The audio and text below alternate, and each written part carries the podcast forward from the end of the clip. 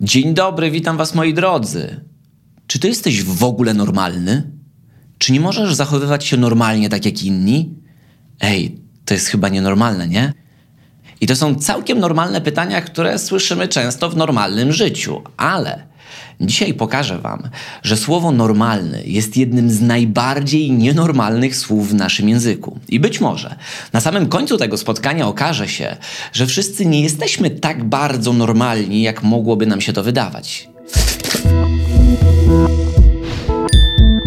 Zanim zajmiemy się gwoździem programu, czyli odpowiedzią na pytanie, którego mam nadzieję, że często w życiu nie słyszeliście, czyli czy jesteś normalny? Czy jesteś normalna? To czekają nas jeszcze trzy świetne rzeczy. Pierwszym deserem przed tym daniem głównym będzie worek rozmyślań. I cóż to takiego zapytacie? Otóż za każdym razem będziemy brali na warsztat jedną rzecz, o której być może nigdy wcześniej nie pomyśleliście, a która, podobnie jak małżeństwo, może zmienić wasze życie na lepsze albo na gorsze. I perfekcyjnym prowadzącym tego segmentu, tak pomyślałem, będzie mój kuzyn, Ładek. Dość specyficzna jednostka, e, która w wieku pięciu lat zadawała naszej babci pytania takie jak Babciu, skoro Jezus powstał z martwych, tak? To czy możemy mówić, że Jezus był zombie? Albo babciu, skoro mam niebieskie oczy, to dlaczego nie widzę wszystkiego na niebiesko? Więc zostawiam Was w naprawdę dobrych rękach. Przed Wami Ładek i jego wołek łozmyślań. Dzień dobry, Ładek z tej strony. Dlaczego ktoś nagi na ulicy?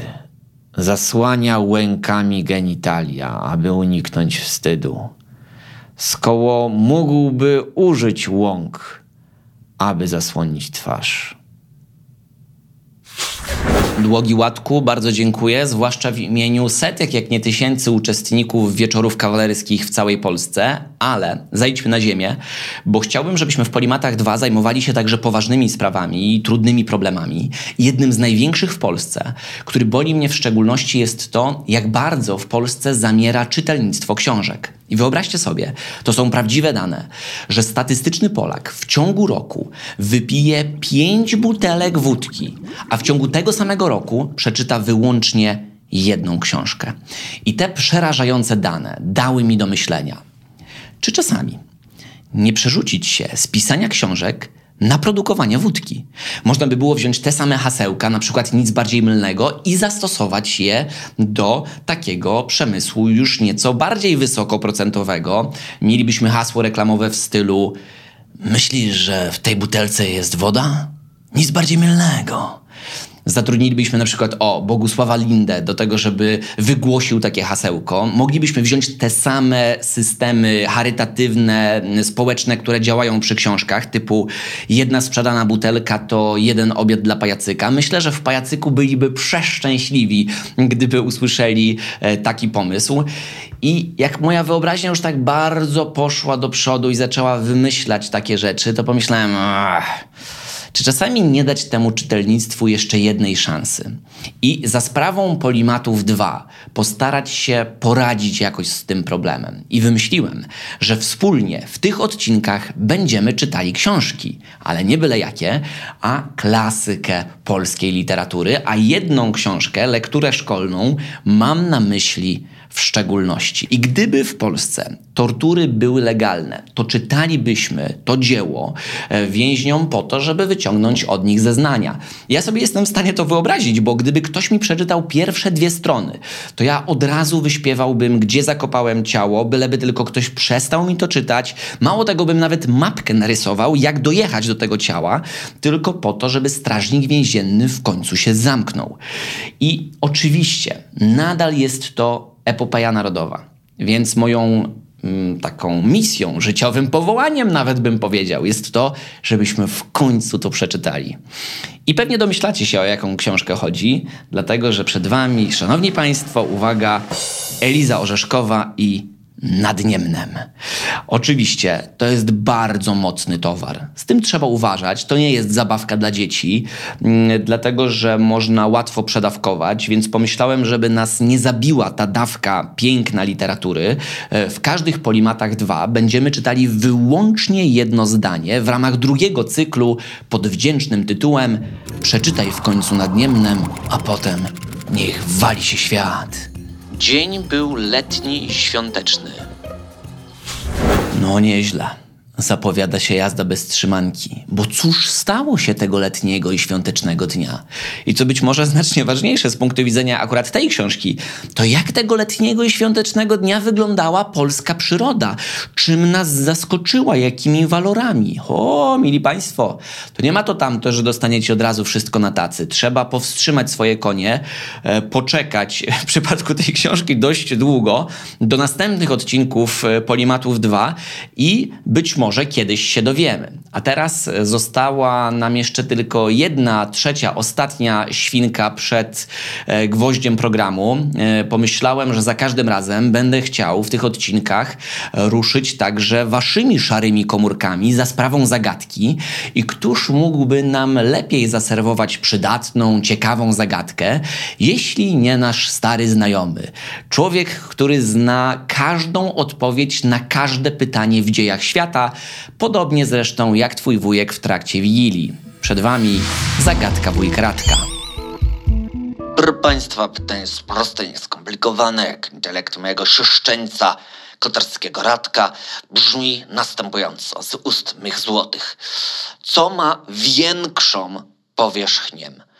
Czy A. Teksas, czy B. Polska nasza długa i szeroka? Nie będę podpowiadał, mimo że znam odpowiedź, ale jestem pewny, ale nie podpowiem, na wszelki wypadek nie podpowiem. Odpowiedź już bardzo niedługo, obiecuję, a przed nami gwóźdź programu. To jedziemy z tym koksem. Co mają wspólnego? Psychologowie, filozofowie i językoznawcy. No, oczywiście oprócz tego, że każdy z nich wybrał te studia, a nie inne, głównie po to, żeby uniknąć na nich matematyki. Uwaga! Każda z tych trzech profesji ma ogromny problem z podaniem właściwej definicji słowa normalny. Mało tego, nawet słownik nam w tym nie pomoże, a przecież wymyśliliśmy słowniki po to, żeby przychodziły z pomocą e, przy okazji takiego kłopotu. Pod hasłem normalny w słowniku języka polskiego znajdują się cztery różne definicje, które raczej się wzajemnie wykluczają i stanie się to jasne, kiedy przez nie przejedziemy. W myśl pierwszej definicji, normalny to taki, jaki powinien być. Czyli pomyślmy na przykład o normalnym mężu. Taki, jaki powinien być. Mhm. Czyli normalny mąż to taki, który od czasu do czasu zaskakuje swoją żonę kwiatami, tak zupełnie bez okazji, dba o porządek w domu i zawsze pamięta o dacie rocznicy ślubu to totalnie brzmi jak normalny mąż, normalniusieńki. Takiego normalnego męża ma każda żona, e, z takim tylko zastrzeżeniem, że taki mąż ma na imię Yeti i nigdy nie istniał. Być może z pomocą przyjdzie nam druga definicja, w jej myśl normalny to najczęściej spotykany. Okej, okay, już pomijam sytuację, jak bardzo ta druga definicja zaprzecza tej pierwszej, kiedy mówiliśmy o normalnym mężu, który wcale nie musi być tak często spotykany, ale ta druga definicja sama w sobie też jest całkiem niezła. Bo zobaczcie, czy moglibyśmy nazwać normalnym nowotworem rak piersi u kobiet tylko dlatego, że występuje najczęściej? to w takim razie rak wątroby już jest nienormalny i nie wiem, wyobrażam sobie taką rozmowę dwóch koleżanek, która mówi jedna do drugiej: Hej, wiesz co?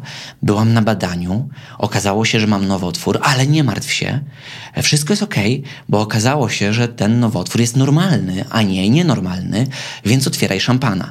Przecież to jest zupełnie irracjonalne, bo już bardzo dawno temu mądre głowy pisały, że tylko dlatego, że coś często występuje, wcale nie musi być normalne. I każda osoba, która je delicję, wie o tym doskonale. Przecież fakt, że ludzie gryzą delicję i robią to dość często, wcale nie oznacza, że jest to normalny sposób jedzenia delicji. Mało tego, jest to całkowicie nienormalny sposób, bo każda osoba wie, że delicję należy jeść tak, że najpierw zeskrobujemy mm, zębami górną warstwę czekolady, następnie ogryzamy skrupulatnie całe ciasteczko dookoła galaretki, później delikatnie oddzielamy galaretkę od tej dolnej warstwy ciasta, ale spokojnie, bez pośpiechu, bo tutaj można się najbardziej pomylić. Później zjadamy ciasto, trzeba coś z nim zrobić i dopiero wtedy z namaszczeniem wkładamy galaretkę do ust. Jeśli ktoś robi inaczej, to tutaj nie ma żartów i w ogóle nie ma żadnej dyskusji będziesz smażył się w piekle, w najniższym kręgu. I to, co robisz, jest bardzo dalekie od normalności. Więc skoro ustaliliśmy już, że częstotliwość występowania czegoś w naturze wcale nie odnosi się do normalności, to mamy jeszcze trzecią definicję, która nakierowuje nas na coś zupełnie innego. Teraz już mamy w pewien sposób ocenę, bo słownik mówi tak: normalny to zdrowy fizycznie i psychicznie. Czy na pewno? Czy gdybyś spotkał swojego kolegę z nogą w gipsie, to masz prawo powiedzieć mu, że jest nienormalny, bo jego stan no na pewno nie jest zdrowy. I oczywiście ja wiem, że znacznie częściej używamy e, słowa normalny i nienormalny po to, żeby odnieść się do ewentualnych chorób psychicznych. Ale tutaj też sprawa nie jest tak bardzo prosta, bo wiele źródeł, w tym szczegółowe badania amerykańskiego Departamentu Zdrowia mówią nam, że przeciętny mieszkaniec, jakiegoś zachodniego e, społeczeństwa w ciągu swojego życia e, przejdzie mniejszą albo większą chorobę psychiczną. I uwaga, stanie się to udziałem ponad połowy mieszkańców takich społeczeństw. Czyli większość osób w ciągu swojego życia będzie miała jakieś zaburzenie psychiczne. I czy w takim razie osoba, która należy do większości, nie powinna być normalna tej swojej nienormalności w tym zaburzeniu, a osoba, która jest zdrowa psychicznie, perfekcyjnie przez cały y, swój żywot ziemski, z racji tego, że jest w mniejszości, nie powinna być nazywana raczej nienormalną?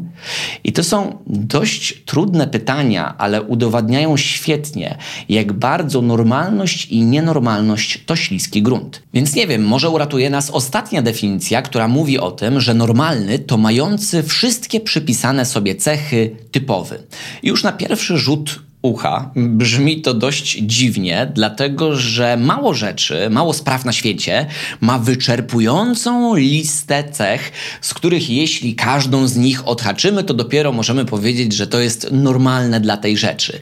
Nawet gdybyśmy się przyczepili tej drugiej sprawy, czyli typowości, e, to na przykład typowym widzem albo słuchaczem Polimatów 2 jest 26-letni mężczyzna mieszkający w dużym mieście, który odtwarza e, to nagranie albo ten podcast na urządzeniu mobilnym, na przykład na telefonie albo na tablecie. I to by oznaczało, że wszyscy inni, którzy nie podpadają pod ten konkretny opis, są co? Nienormalni? Tak bym o tych ludziach powiedział. No nie wiem, trudno powiedzieć, ale rzeczywiście to nam świetnie pokazuje, jak bardzo śliski jest to grunt i trudno jednoznacznie zawyrokować, co jest normalne, a co nie. I rozważania wokół tego słowa pozostałyby tylko i aż ciekawostką językową. No pewnie równie ciekawą jak informacja, że dziesiątym co do mm, liczby ludności województwem w Polsce jest Kujawsko-Pomorskie. Wiedzieliście o tym? Fascynujące. To byłyby rozważania tego typu, gdyby nie jedna sprawa. Ludzie przypisują ogromne znaczenie temu, co jest normalne, a co jest nienormalne. I mało tego, można potężnie komuś skopać życie, nazywając go nienormalnym w jakiejś dziedzinie czy za sprawą jakiejś cechy, którą ma ta osoba. Można także skopać życie samemu sobie, e, porównując swoją w cudzysłowie normalność do normalności innych ludzi. I tak duże znaczenie przypisujemy słowu, którego znaczenia nie jesteśmy w stanie w ogóle ustalić. Dlatego wielu badaczy, na przykład z niewymawialnego dla mnie uniwersytetu Yale University, Dziękuję, Arleno. Zaczęło się zastanawiać, jak to się dzieje, że ludzie, a w konsekwencji całe społeczności mówią, że coś jest normalne, a coś jest nienormalne. Bo oczywiście osoba normalnego wzrostu to będzie ktoś zupełnie inny dla Holendra, a też zupełnie ktoś inny dla Pigmeja. I wiele osób, tak samo wielu badaczy twierdzi, że normalne to coś, co po prostu jest średnie dla jakiejś społeczności. I w myśl tej zasady, jeśli mieszkasz w Polsce, to jesteś normalny albo normalna, jeśli dojazdy do pracy albo do szkoły zajmują ci średnio godzinę e, i 17 minut, e, chadzasz do toalety, aby odcedzić kartofelki od 6 do 7 razy w ciągu dnia, a telewizję oglądasz przez 4 godziny i 18 minut dziennie. No i właśnie, od samego początku widać tutaj jeden przepotężny problem. Ja bym powiedział, że to jest nawet problem większy niż znalezienie początku taśmy klejącej. A ten problem jest następujący. Czy na pewno dla mnie jest normalne coś, co jest średnie dla jakiejś większej społeczności. Bo ja na przykład mam wielu znajomych, którzy woleliby poddać się chińskiej torturze wodnej codziennie przez 4 godziny i 18 minut, byleby tylko nie oglądać w tym czasie telewizji, tak jak to mówi średnia charakterystyczna dla ogółu Polaków. No oczywiście dla wielu osób tak długie oglądanie telewizora w ciągu dnia jest absolutnie nienormalne, ale dla innych to 4 godziny i 18 minut kochanieńki. To jest dopiero rozkręcanie się przy kolejnym odcinku na wspólnej, w którym akurat zupełnie naćpany Miłosz bije Sandrę. Tak nawiasem mówiąc, Miłosz jesteś baranem tygodnia, tylko tyle powiem. Natomiast skoro to jest prawda. Znaczy, nie, nie, chodzi mi o Miłosza, tylko prawda związana z tym, że normalność to jest taka indywidualna sprawa to wiele badań zaczęło kierować swoje zainteresowanie w stronę tego, jak ludzie na takim indywidualnym poziomie, jak w naszych głowach decydujemy, że coś jest normalne albo coś jest nienormalne. I właśnie na wspomnianym Yale University znaleziono najczęściej powtarzający się wzór na nazywanie pewnych rzeczy normalnymi. I gdy badani mieli dojść do konkretnego wniosku, ile to jest normalne, aby kłamać w ciągu tygodnia, to w pierwszym kroku zastanawiali się, hmm, Ile to się tak kłamie przeciętnie w społeczeństwie? Myśleli o średniej takiej liczbie, która jest charakterystyczna dla jakiejś społeczności i jak ją już wymyślili, to przechodzili do kroku drugiego w swojej głowie. Myśleli o tym, hmm, ile by to tak było dobrze kłamać w ciągu tygodnia, tak idealnie, idealna liczba kłamstw. Ona zazwyczaj oczywiście była mniejsza niż ta przyjęta pierwotnie średnia i gdy mieli już te dwa wyniki, to zestawiali je ze sobą i na ich podstawie e, tworzyli tą normalną liczbę kłamstw w ciągu tygodnia. I to jest żywcem wyjęty przykład z badania z Yale University. Teraz porozmawiajmy chwilę o konkretach, bo ci badani doszli do wniosku, że tak przeciętnie to w społeczeństwie, ja nie wiem, tak 24 razy, nieco ponad ludzie mogą kłamać w ciągu tygodnia. Nie ja, to sąsiad, sąsiadka, sąsiedzi w ogóle, ale ja to nie. I rzeczywiście doszli do wniosku, że nieco ponad 24 razy przeciętnie w społeczeństwie kłamie się w ciągu tygodnia. I coś, co rozwala głowę, to fakt, że oni byli bardzo blisko prawdziwej średniej, która dla Ameryki wynosi około 23 e, kłamstw w tygodniu. Mm, tyle razy mm, ludzie mówią zdania typu. Właśnie miałem do ciebie dzwonić. No, tak się zdarzyło, że właśnie miałem dzwonić. Albo wow, naprawdę dobrze dzisiaj wyglądasz. Świetnie. Czy też jedno z moich ulubionych, stosowanych także przeze mnie, to bardzo mi się wykłady pana profesora podobały, bardzo się podobały, naprawdę. I teraz w drugim kroku chodziło o to, żeby zastanowić się nad taką idealną liczbą kłamstw w tygodniu i pewnie to się jakoś odbyło tego typu, że o Jezu, to 24 razy to ludzie bardzo kłamią, to niedużo, za dużo. Za dużo to Pan Jezus patrzy, nie wolno tyle razy. To maksymalnie, nie wiem, tak dwa razy, trzy razy w tygodniu to by pewnie pozwolił, ale więcej to nie. I rzeczywiście przeciętna e, odpowiedź e, wyciągnięta średnia spośród tych e, badanych w badaniu na wiadomym uniwersytecie, no rzeczywiście pokazała nam, że 2,75 to jest ustalona przez nich średnia, taka idealna, dobra liczba kłamstw w tygodniu, która oczywiście nie ma nic wspólnego z rzeczywistością, bo w jednym zdaniu można wyczerpać średnią tygodniową, mówiąc na przykład no nie doszedł mail do ciebie, no nie, nie mam go, sprawdzałem dokładnie bach, już przekroczyliście liczbę. Więc to jest um, rzecz, która zdarzyła się w drugim kroku, a w trzecim kroku oczywiście chodziło o to, żeby podać wartość normalną. I teraz niesamowite było to, jak e, ci badani zestawiali jedną rzeczywistość z drugą, bo mając po jednej stronie 24 ich zdaniem kłamstwa wypowiadane przez społeczeństwo w tygodniu i idealne 2,75, wychodziło im, że normalną liczbą kłamstw tygodniu jest nieco ponad 8. Hmm, nieco ponad 8. Jak sobie o tym myślę, to widzę przepotężną przepaść pomiędzy tym normalnym wynikiem, ich zdaniem, a czymś, co jest charakterystyczne dla społeczeństwa, więc pewnie jest także charakterystyczne dla nich. I niezwykle zaskakujące było to, że gdy e, sprawdzano e, ten schemat w innych kategoriach, e, liczba godzin przed telewizorem, liczba napojów gazowanych na tydzień, liczba konfliktów zbrojnych, która się wydaje ludziom, że wybuchła w ostatniej dekadzie, to mieliśmy do czynienia z identycznym wzorem. Zazwyczaj ta normalna ich zdaniem liczba e, leżała w rażącej dysproporcji do tej średniej, prawdziwej, charakterystycznej dla danego społeczeństwa.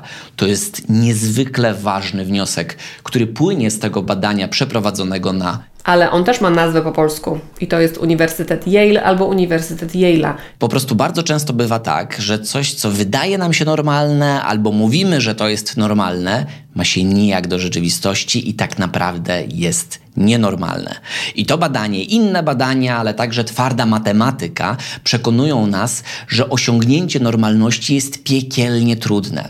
Osoby, które lubią nauki ścisłe, e, na pewno wiedzą, że wielu badaczy twierdzi, że każdą praktycznie cechę ludzką, wzrost, wagę, poziom intelektualny, jesteśmy w stanie włożyć e, w ramy tak zwanego rozkładu normalnego. O co w nim chodzi? Chodzi o to, że gdy weźmiemy jakąś średnią dla społeczeństwa, na przykład średni wzrost mężczyzny w Polsce, ustalmy go na 177 cm, to jeśli ktoś e, znajduje się e, no, po drugiej stronie barykady, czyli jest trochę niższy albo trochę wyższy, to to nadal jest normalne. I to rzeczywiście ma sens, m, mm, dlatego że takie odchylenia od normy e, są bardzo często po prostu nadal normalne. Tylko ile wynoszą takie odchylenia od normy, żeby były normalne? To za każdym razem jest czymś zupełnie innym. Możemy przyjąć, że dla tego badania, jeśli mamy minus 9 cm w jedną stronę i plus 9 cm, to nadal matematycznie w cudzysłowie jesteśmy normalni. Znajdujemy się w tej większości społeczeństwa, w tych widełkach matematycznej normalności. I najciekawsze w tym wszystkim jest to, że jeśli weźmiemy przeróżne inne kategorie, takie jak na przykład ile razy w ciągu tygodnia udajesz, że nie widzisz znajomego na ulicy? Ile godzin dziennie siedzisz przed komputerem? Czy tam wzrost, waga, poziom intelektualny, cokolwiek takiego. I utworzymy 36 takich różnych kategorii. A nie oszukujmy się, nie jest trudno e, stworzyć tyle kategorii właśnie. To szansa na to, że znajdziesz się w tych, w cudzysłowie nadal, normalnych widełkach dla 36 różnych kategorii wynosi, uwaga, jedną na milion. Takich ludzi powinno się pokazywać w cyrku jako najbardziej normalny okaz. To się praktycznie nie zdarza w przyrodzie. To jest nienormalne, aby być normalnym, albo normalne, aby być nienormalnym. Zadanie na dzisiaj jest bardzo proste. Wpiszcie w komentarzu, jeśli oglądacie to na YouTubie, albo pomyślcie, jeśli słuchacie podcastu, jaka rzecz wydaje Wam się, że jest normalna dla Was, ale najprawdopodobniej nie jest normalna dla reszty społeczeństwa. Ja mam taką sprawę. Wydaje mi się, że normalne w społeczeństwie jest to, że przed deszczem się ucieka i raczej się chowa. Ja mam dokładnie odwrotnie, czyli uwielbiam jak kapią na mnie takie grube krople, jak mi po plecach spływa taka, wiecie, bardzo zimna kropla. E, też jak już nie uciekam i docieram e, do domu albo do pracy cały mokry, to się nie przebieram tak bardzo szybko. Lubię trochę poschnąć. Lubię też taki zapach mm, siebie e, mokrego od deszczu. I tak sobie pomyślałem, że jak teraz o tym mówię, to to brzmi piekielnie dziwnie, ale Szczerość jest najważniejsza, zostanie między nami oczywiście, mm, ale myślę, że to właśnie jest normalne dla mnie, a nie koniecznie musi być normalne dla, dla reszty społeczeństwa, więc Takich rzeczy będę szukał w komentarzach. Jestem bardzo ciekawy, e, co wymyślicie i co napiszecie. E, a tymczasem, skoro e, matematyka, statystyka, nauki ścisłe, humanistyczne wprost mówią nam, jak piekielnie trudno jest osiągnąć stan normalności, to tak się zastanawiam, czy na koniec dnia nie powinna płynąć z tego taka oto nauka, żebyśmy trochę uważali. Na pewno ostrożniej mówili, że coś jest normalne albo nienormalne, i to oczywiście nie oznacza, żebyśmy żebyśmy nie piętnowali patologii typu Miłosz z, na wspólnej naćpany, bijący Sandrę. Znajdziemy cię. Oczywiście, że trzeba coś takiego piętnować, ale z drugiej strony, czy czasami nie lepiej w tym przypadku mówić o naruszeniu prawa, o naruszeniu standardów, na które się wszyscy umówiliśmy, a ta normalność i nienormalność, e, gdy jest takim karzącym mieczem sprawiedliwości, mówimy ty jesteś normalny albo ty jesteś nienormalny, nie powinna być zastąpiona przez coś innego, na przykład przez mówienie o różnicach między nami? Nie wiem, tak sobie myślę. Bardzo Wam dziękuję za dzisiaj i do usłyszenia następnym razem.